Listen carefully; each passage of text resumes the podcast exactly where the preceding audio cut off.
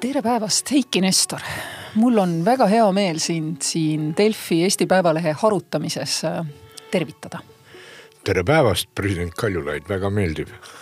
Äh, tead, äh, kas me ütleme teie või sina, ütleme sina, imelik on muidu. oleks tore küll ja ma olen Hiiumaalt ka ikkagi, kus ei teietata. jah, ma olen Saaremaalt, ega seal ei ole ka väga kombeks, nii no, et näed, jääb sinu. saare rahvas, võime vabalt. väga hea nii, aga tuleme nüüd merelisest komberuumist siia Eesti poliitikasse. et tuleme. meie tänane tööplaan on siis rääkida Eesti poliitilisest komberuumist sinu kui pikaaegse parlamendipoliitikuga, meie Riigikogu pikaaegse esimehega, kellegagi, kes on öelnud kunagi minu jaoks väga äh, mällu sööbinud sõnad.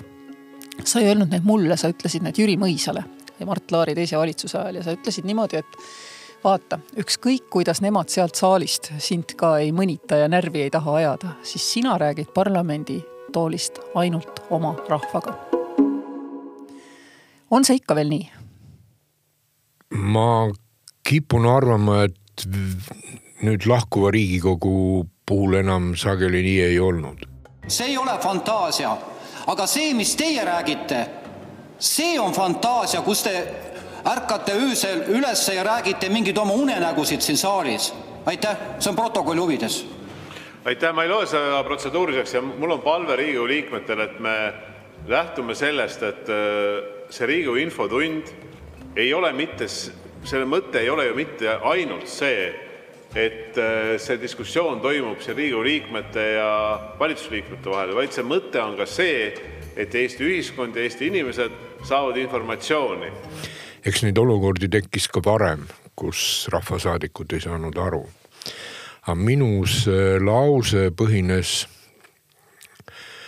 eh, kahjuks meie seast vara lahkunud Ülle Aaskivi õpetusel, kes teatavasti väga pikka aega oli Vabariigi Valitsuse esindaja Riigikogus.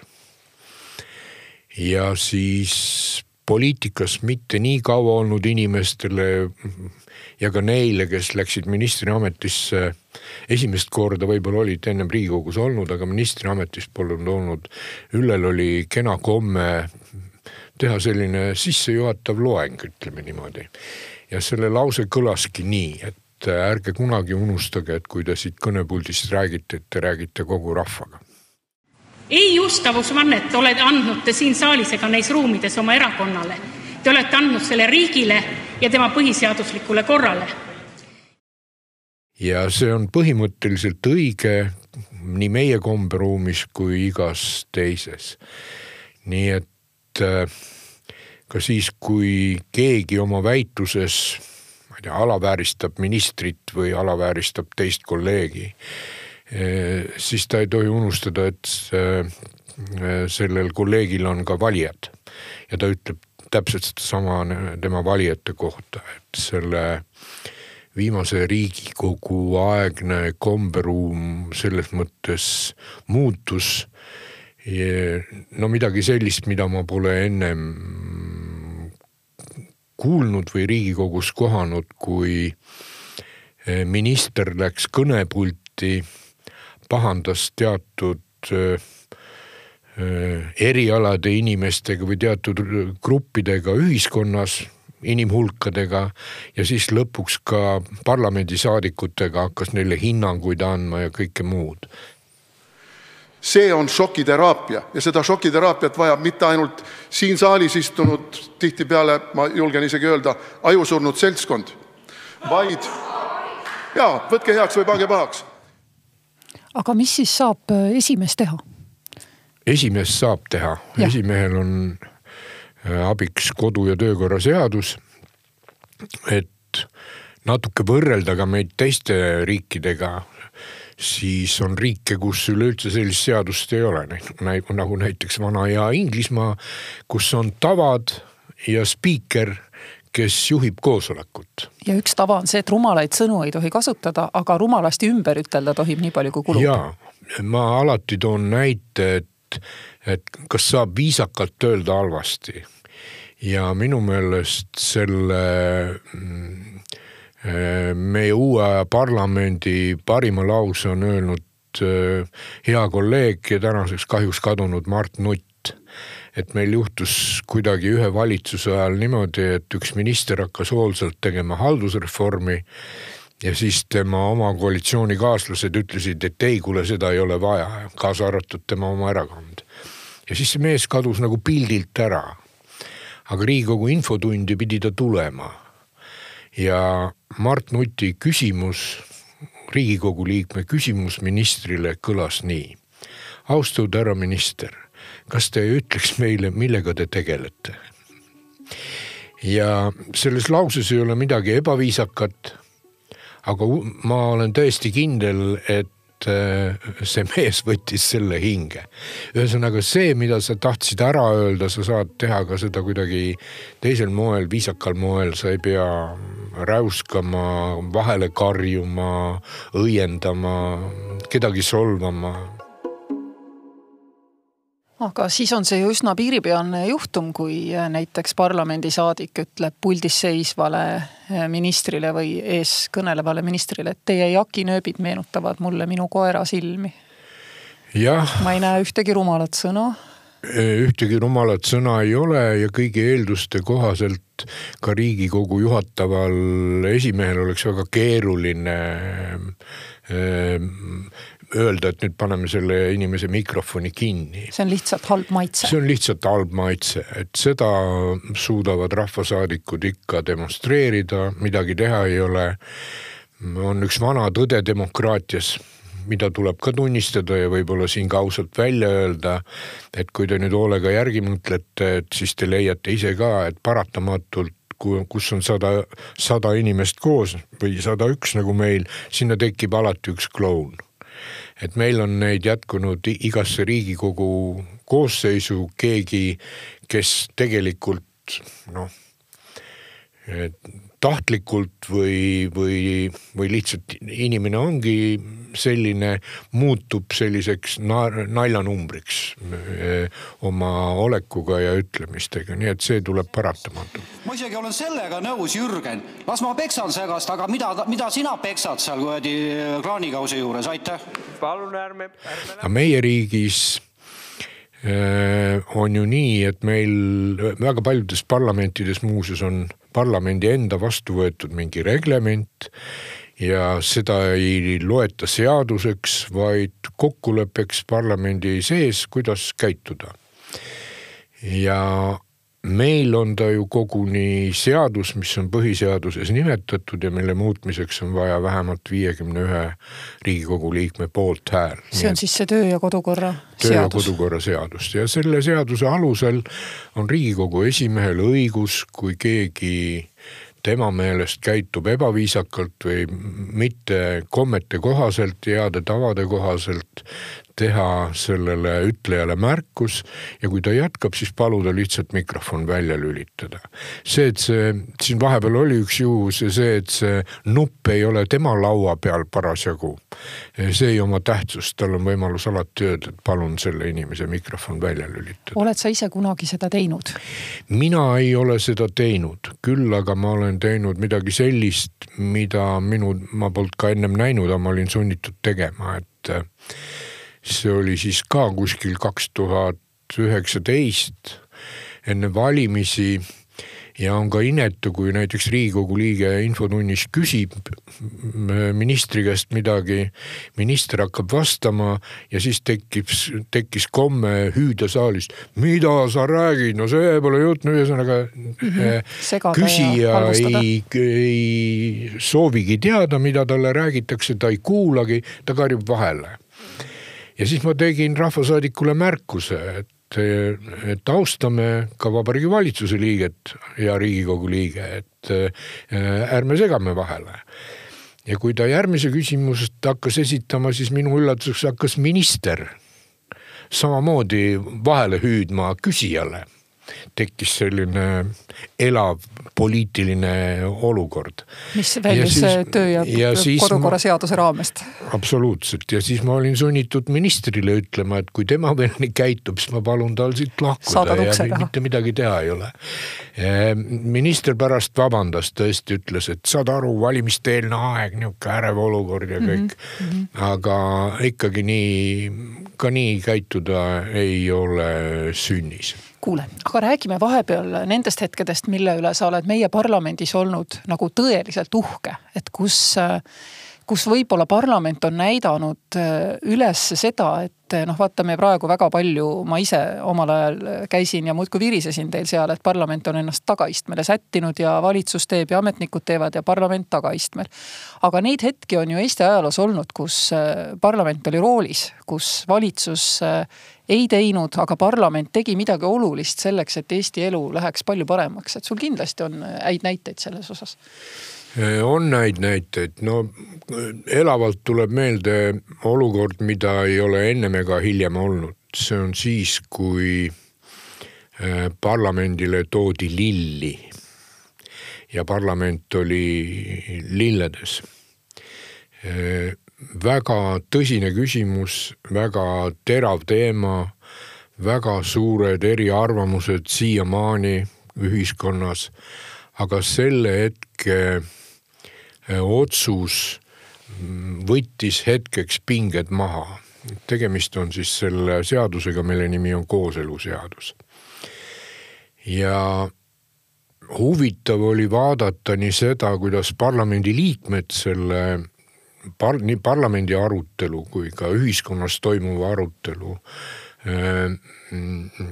tulemusena muutusid või, või muutsid oma meelsust. sest lõpuks hääletas ka ju osa selle eelnõu algat-, see oli Riigikogu liikmete algatatud eelnõu. osa algatajaid hääletas vastu muuseas lõpuks, nad hakkasid kartma seda.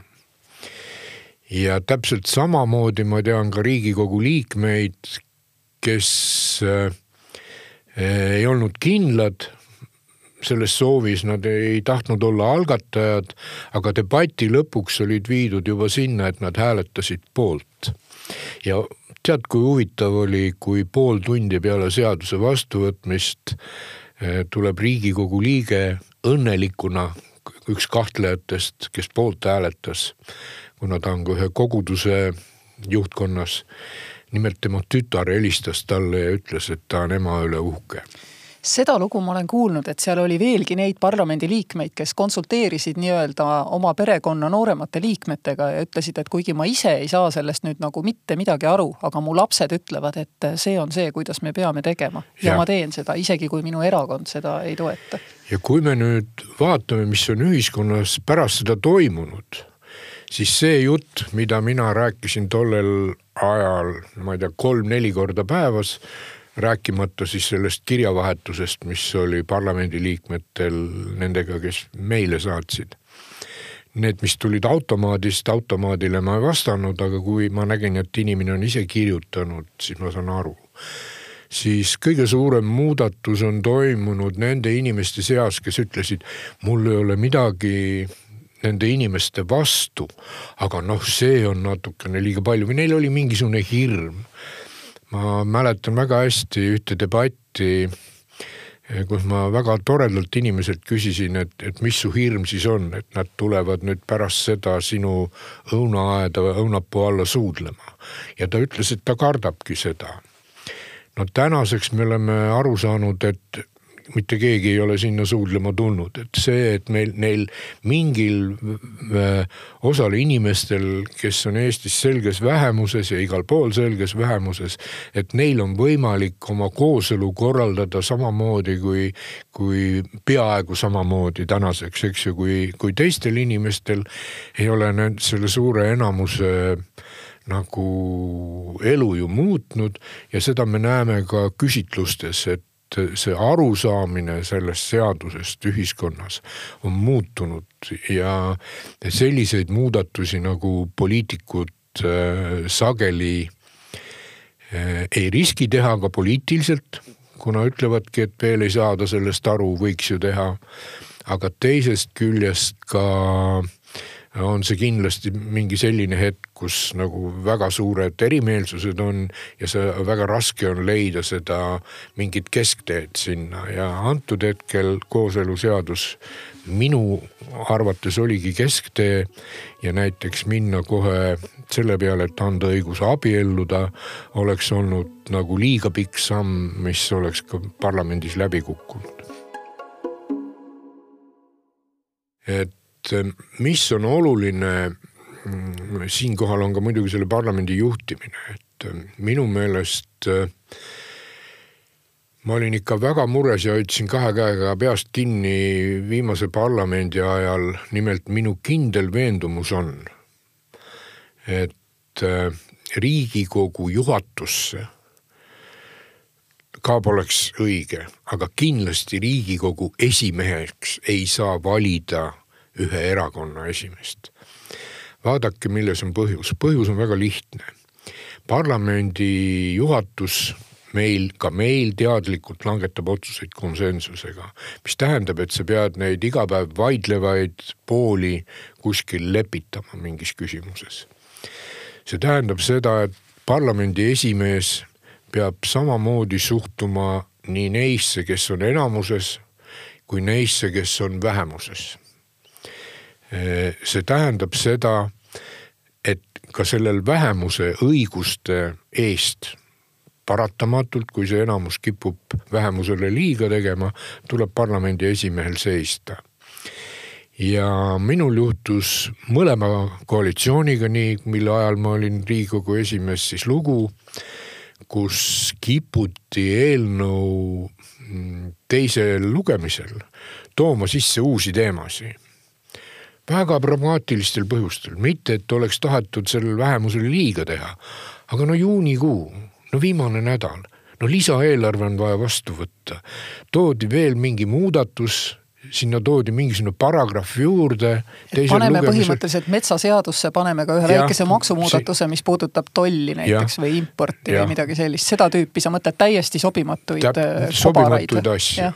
ja mille kohta Ülo Nugis ütles väga ilusa lause kunagi Riigikogu saalis, et ta ei luba kunagi teha metsade ja äh, metsade seadusest jõgede ja järvede seadust ja mul oli siis juhus, kus mõlemad koalitsiooninõukogud, ma läksin sinna ja ütlesin, et ei, et eh, see eelnõu lugemine tuleb katkestada.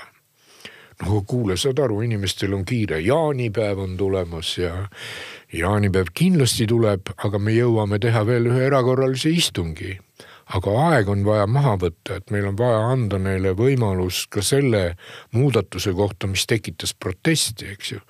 Anda võimalus äh, oma, oma mõtteid välja öelda.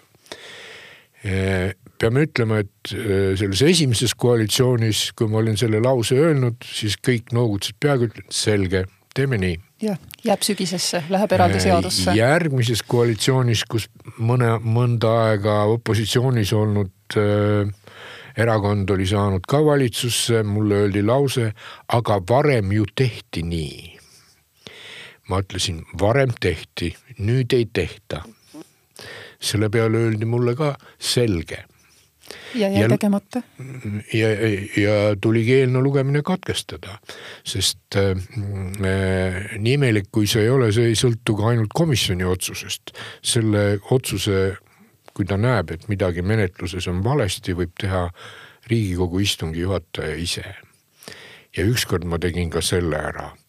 ja vot sellist asja pole ka juhtunud, ma nüüd väga vabandan, et ma ennast nii kiidan, opositsioonisaadikud plaksutasid mulle. aga see on väga põnev, sellepärast et me oleme harjunud kuulma, et terve riigikogu ei saa midagi teha, nüüd selgub, et pole isegi tervet riigikogu vaja, et istub üks mees seal ees ja teeb, räägi, mille peale nad siis plaksutasid?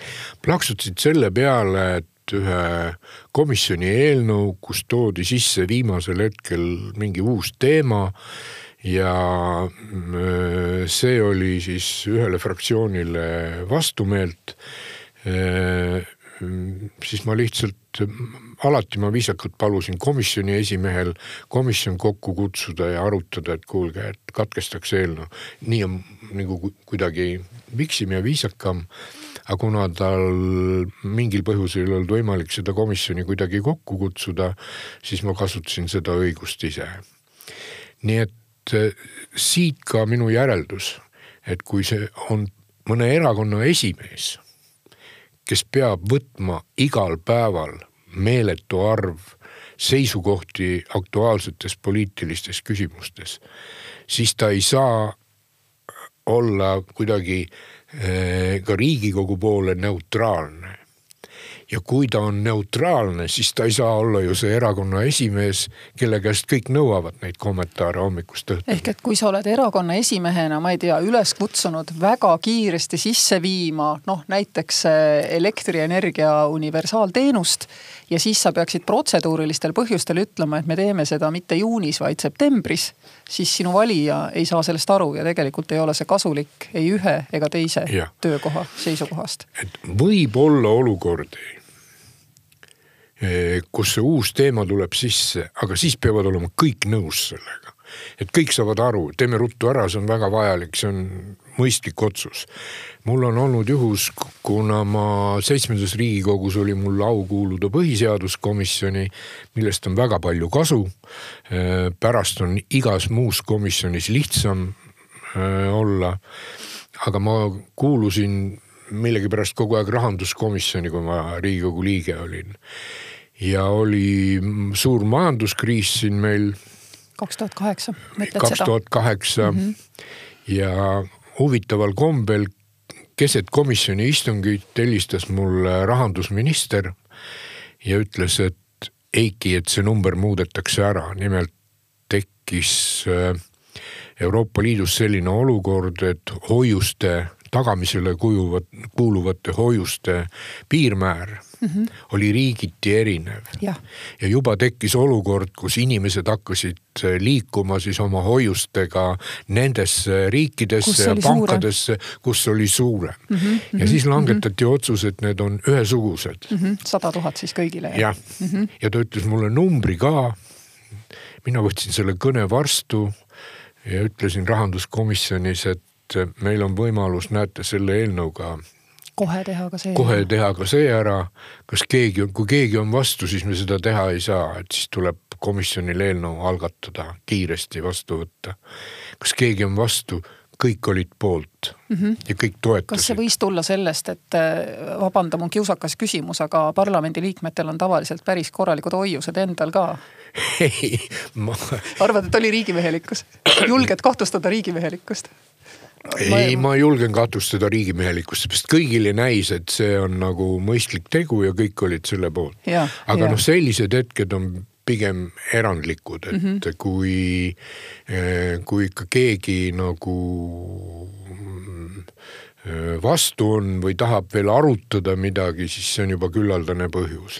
aga tead, mis väga tore on kuulda, et neid hetki on meie parlamendi elus olnud ja noh, see sinu viimane näide tegelikult puudutab absoluutselt iga inimest siin Eestis ja see on, see on asi, mida ma arvan, inimesed ei tea, et meie parlamendis tehakse, tehakse tegelikult päriselt ka meie inimeste jaoks väga olulisi otsuseid, neid ei tehta ainult valitsuse istungil, neid ei tehta ainult, ainult ministeeriumites jah, nii ta on ja, ja kui nüüd selle komberuumi tagasi minna, siis selles komberuumis kõikides riikides on tegelikult nii, et me vähemalt ütleme siis nii, kuidas vanem, vanades demokraatiates, et sinna valitaks parlamendi esimeheks erakonna esimees, nihukest asja keegi ei kujuta ette isegi.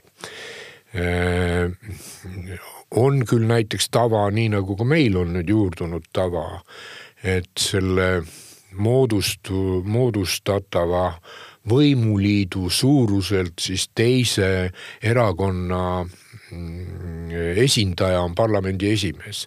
seda on vaja selle jaoks, et oleks peaminister ühest ja parlamendi esimees teiselt poolt ja see on väga mõistlik tava, mida, millest ma loodan, Eestil tuleb ka edaspidi kinni pidada.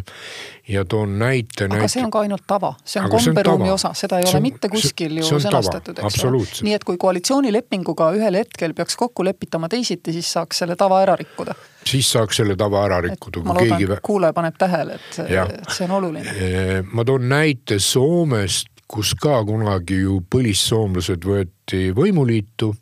Nad olid suuruselt teine erakond. Nad said parlamendi esimehe koha.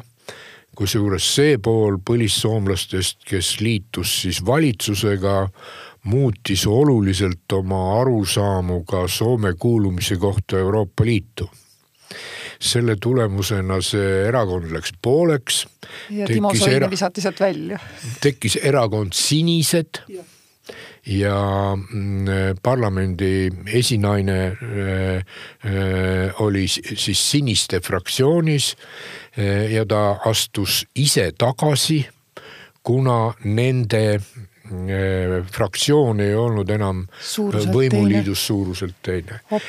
nii et täiesti need tavad teinekord reguleerivad äh, nagu seda poliitilist komberuumi palju rohkem kui kodu- ja töökorra seadus oma, oma nõuetega, et peab olema kindlasti viiskümmend üks inimest, kes ta poolt on. muuseas, see on üks kõige raskemini muudetavaid seaduseid üldse ja ka täna näen ma seal kohti, mida saab palju paremaks teha, kasvõi seesama äh, sinu poolt nimetatud rahvahääletuse näide mm -hmm. oli tüüpiline, kus ma siis leidnud, kuna rahvahääletuse mm, otsustamise protseduurika on kodu- ja töökorra seadusest ja ma leidsin sealt minu meelest väga suure apsaka, mida ei tohiks teha mis vajaks sellist tõsist põhiseaduslikku analüüsi isegi, et võib tekkida äh, väga rumal olukord äh, selle osas, mida rahva, rahva enamus ütleb rahvahääletusel ja selle osas, mis riigis kehtib. võib jääda mulje, et rahvas otsustas, aga seadus kehtib edasi. ühesõnaga niisuguseid, niisuguseid hetki võib sealt leida.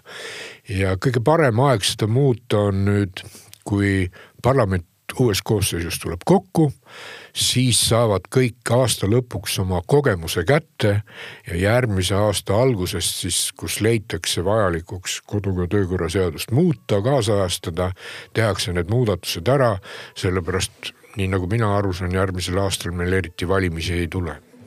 Aitäh, kui te tahate muuta protseduuriliste küsimuste küsimise korda, siis seda on võimalik teha, selleks on vaja muuta kodu- ja töökorra seadust seda see koosseis üritas.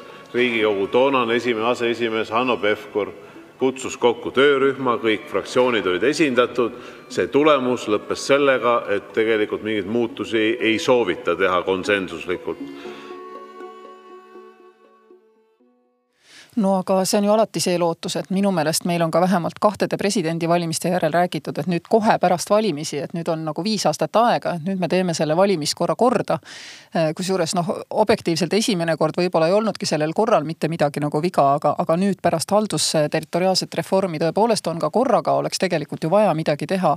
ja ka president Karis ametisse saades lubas võtta noh, initsiatiivi, ma arvan, et ta ka võttis, aga, aga see kõik jälle, jälle suri ära, ehk et selles välja kujunenud kujunenud poliitilise komberuumi nagu muutmine on tegelikult üli-ülikeeruline, et keegi ei taha neid riske võtta ja hakkab kogu aeg see mäng, et kuidas see on meile kasulik, kuidas see on teile kasulik. no täpselt sama olukord on ilmselt ka riigikogu enda valimiste seadusega, kus tänaseks äh, ju igaüks võib arvutada, mis on lihtkvoot eri valimisringkondades ja kui mõnes valimisringkonnas on kuus saadiku kohta tuleb see lihtkvoot sada jagada kuuega ja kui mõnes valimisringkonnas on neid kohti üle kümne, siis tuleb see mm, protsent alla kümne protsenti hääli, mis seal on.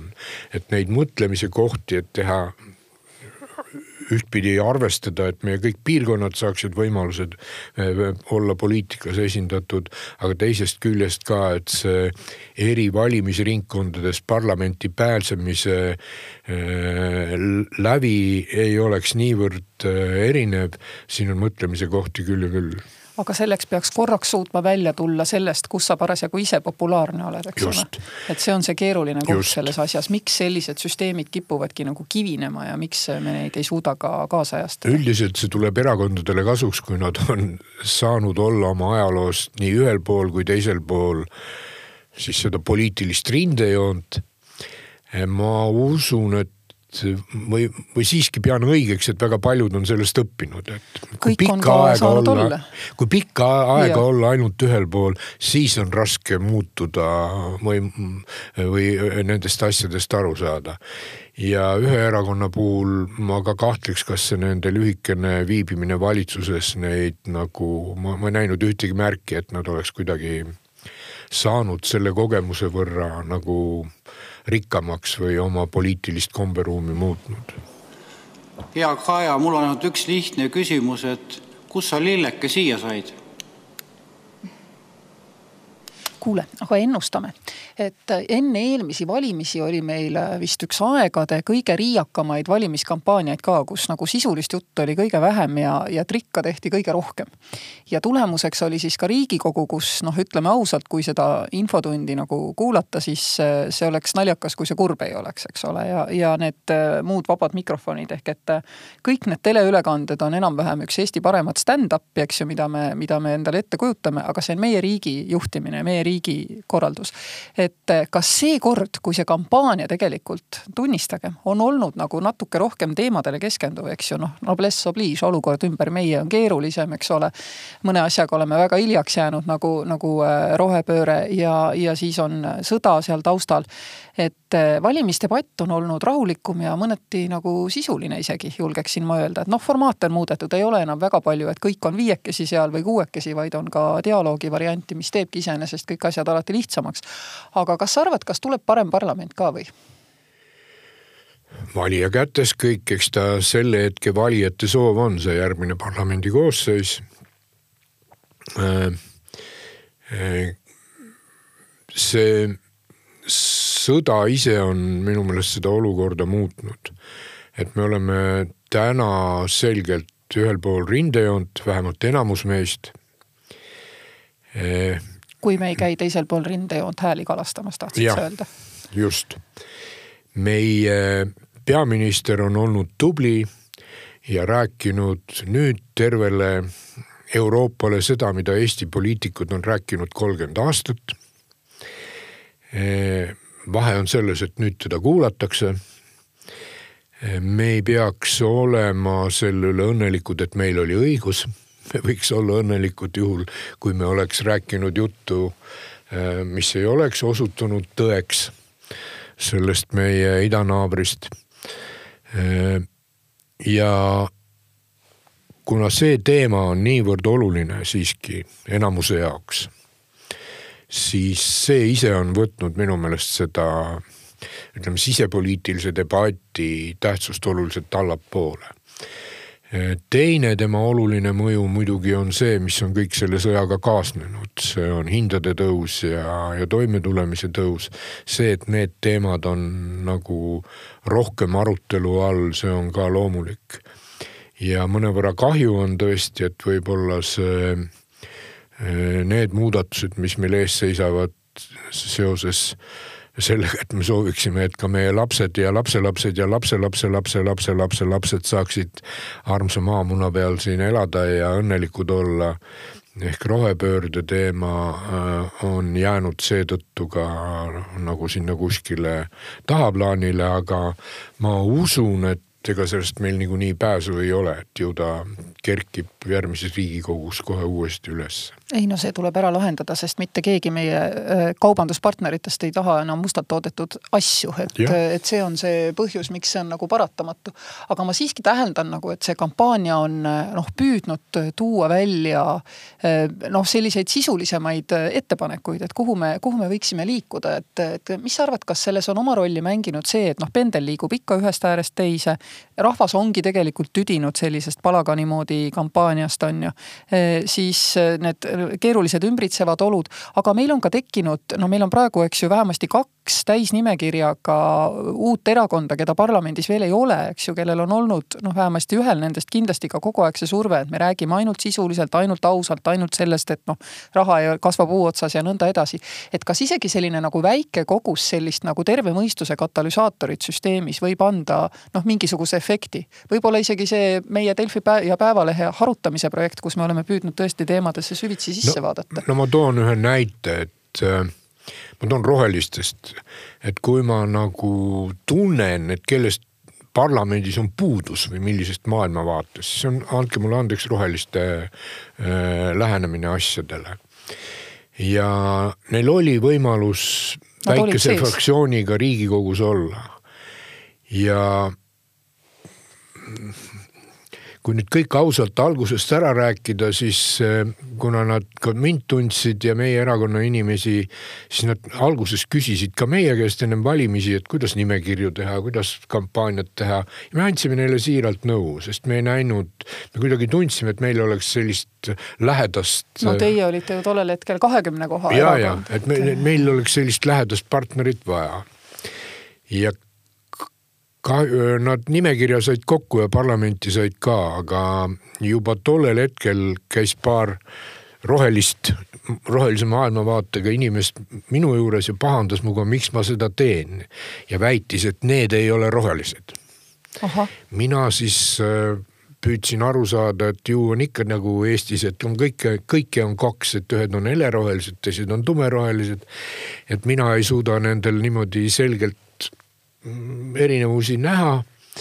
ja tuli välja, et nendel, kes hoiatasid, oli õigus, et, et ütleme nii, see fraktsioon iseenesest nagu kukkus läbi ja nende minu meelest põhiline viga oli selles, et nad tegelesidki ainult ühe kindla teemavaldkonnaga ja mujal küsimustes olid sellised siis mitte midagi ütlevad või, või kindlalt isegi sellisel poolel, sellisel maailmavaatelisel poolel muuseas, mida mina ei jaga. aga mida see muutis, ta muutis seda, et kõik teised erakonnad muutusid rohelisemaks ei muutunud roheliseks, vaid rohelisemaks. ehk et kõik need rohelised jutud, pika plaani jutud, eelarve tasakaalu laristamise lõpetamise jutud, et kõik tegelikult omavad sellist noh, tiibadelt tulevat survet sellele, et ka mainstream need teemad pigem pardale võtaks, ehk et see töö ei lähe tegelikult kaotsi, mida teevad kaotsi. väiksemad erakonnad, ükskõik siis kas enne valimisi või pärast valimisi parlamendis. no ma olen ka ennem avalikult välja öelnud, et eh, no nendest uutest tulijatest, kes täna kandideerivad, eh, mina isiklikult saan aru, miks on loodud erakond Parempoolsed. seda on mul kergem mõista, sellepärast nemad vastukaaluks siis eh, sellele Res Publica poolt üle võetud Isamaale eh, püüavad luua sellist öö, erakonda, kes näeks välja nii, nagu kaasaegsed konservatiivsed parteid demokraatlikes riikides välja näevad. et nad ei mm, on inimsõbralikumad, mõtlevamad, kaasaegsemad ja nende sõnum on mulle arusaadav. Millest mul on keerukas aru saada aga ma saan aru, millel põhineb populaarsus, on see Eesti kakssada selles mõttes. et seal ma ei näe ühtegi lauset, mida teised ennem ei oleks öelnud. et eh, seda on öelnud siis sotsiaaldemokraadid, seda on öelnud Reformierakond, seda on öelnud Isamaa, ühesõnaga kõik need ideed, mis seal on, on nagu juba mulle ennem tuttavad. Jutt pikast plaanist on väga tore, mul ei ole selle vastu midagi, aga ma pean kahjuks ütlema, et teistel on ka pikk plaan olemas, aga nad on aru saanud, et seda pikka plaani ei peaks niivõrd afišeerima. ja mis seal uut on, ongi see, et on, ollakse uued, ollakse teistsugused. natuke nagu Vabaerakond, kes ju täpselt samasuguse sünnilooga oli, eks Jah. ole, jah. ja andke mulle andeks natukene ka nagu Res Publica, kes tekkis ka vastukaaluna äh, siis äh, tolleaegsele kolmikliidule äh, erinevus, oluline erinevus on selles, et Res Publical oli ka ütleme, tugev majandusringkondade tugi taga ja nende plakatid olid kümme korda suuremad kui kõigil teistel ja, ja ei maksa ennast tellitada loot- või sellise valearusaamaga, et need ei mõjuta valijat, mõjutavad ikka küll. noh, eilegi ma ei tea, kes Facebooki vaatab, selgus, et keegi e-hääletuse eh, vastane oli väga õnnelik ja ütles, et e-hääletus on väga hea, et ta sai Kalle Grünthalile juba kuus häält anda.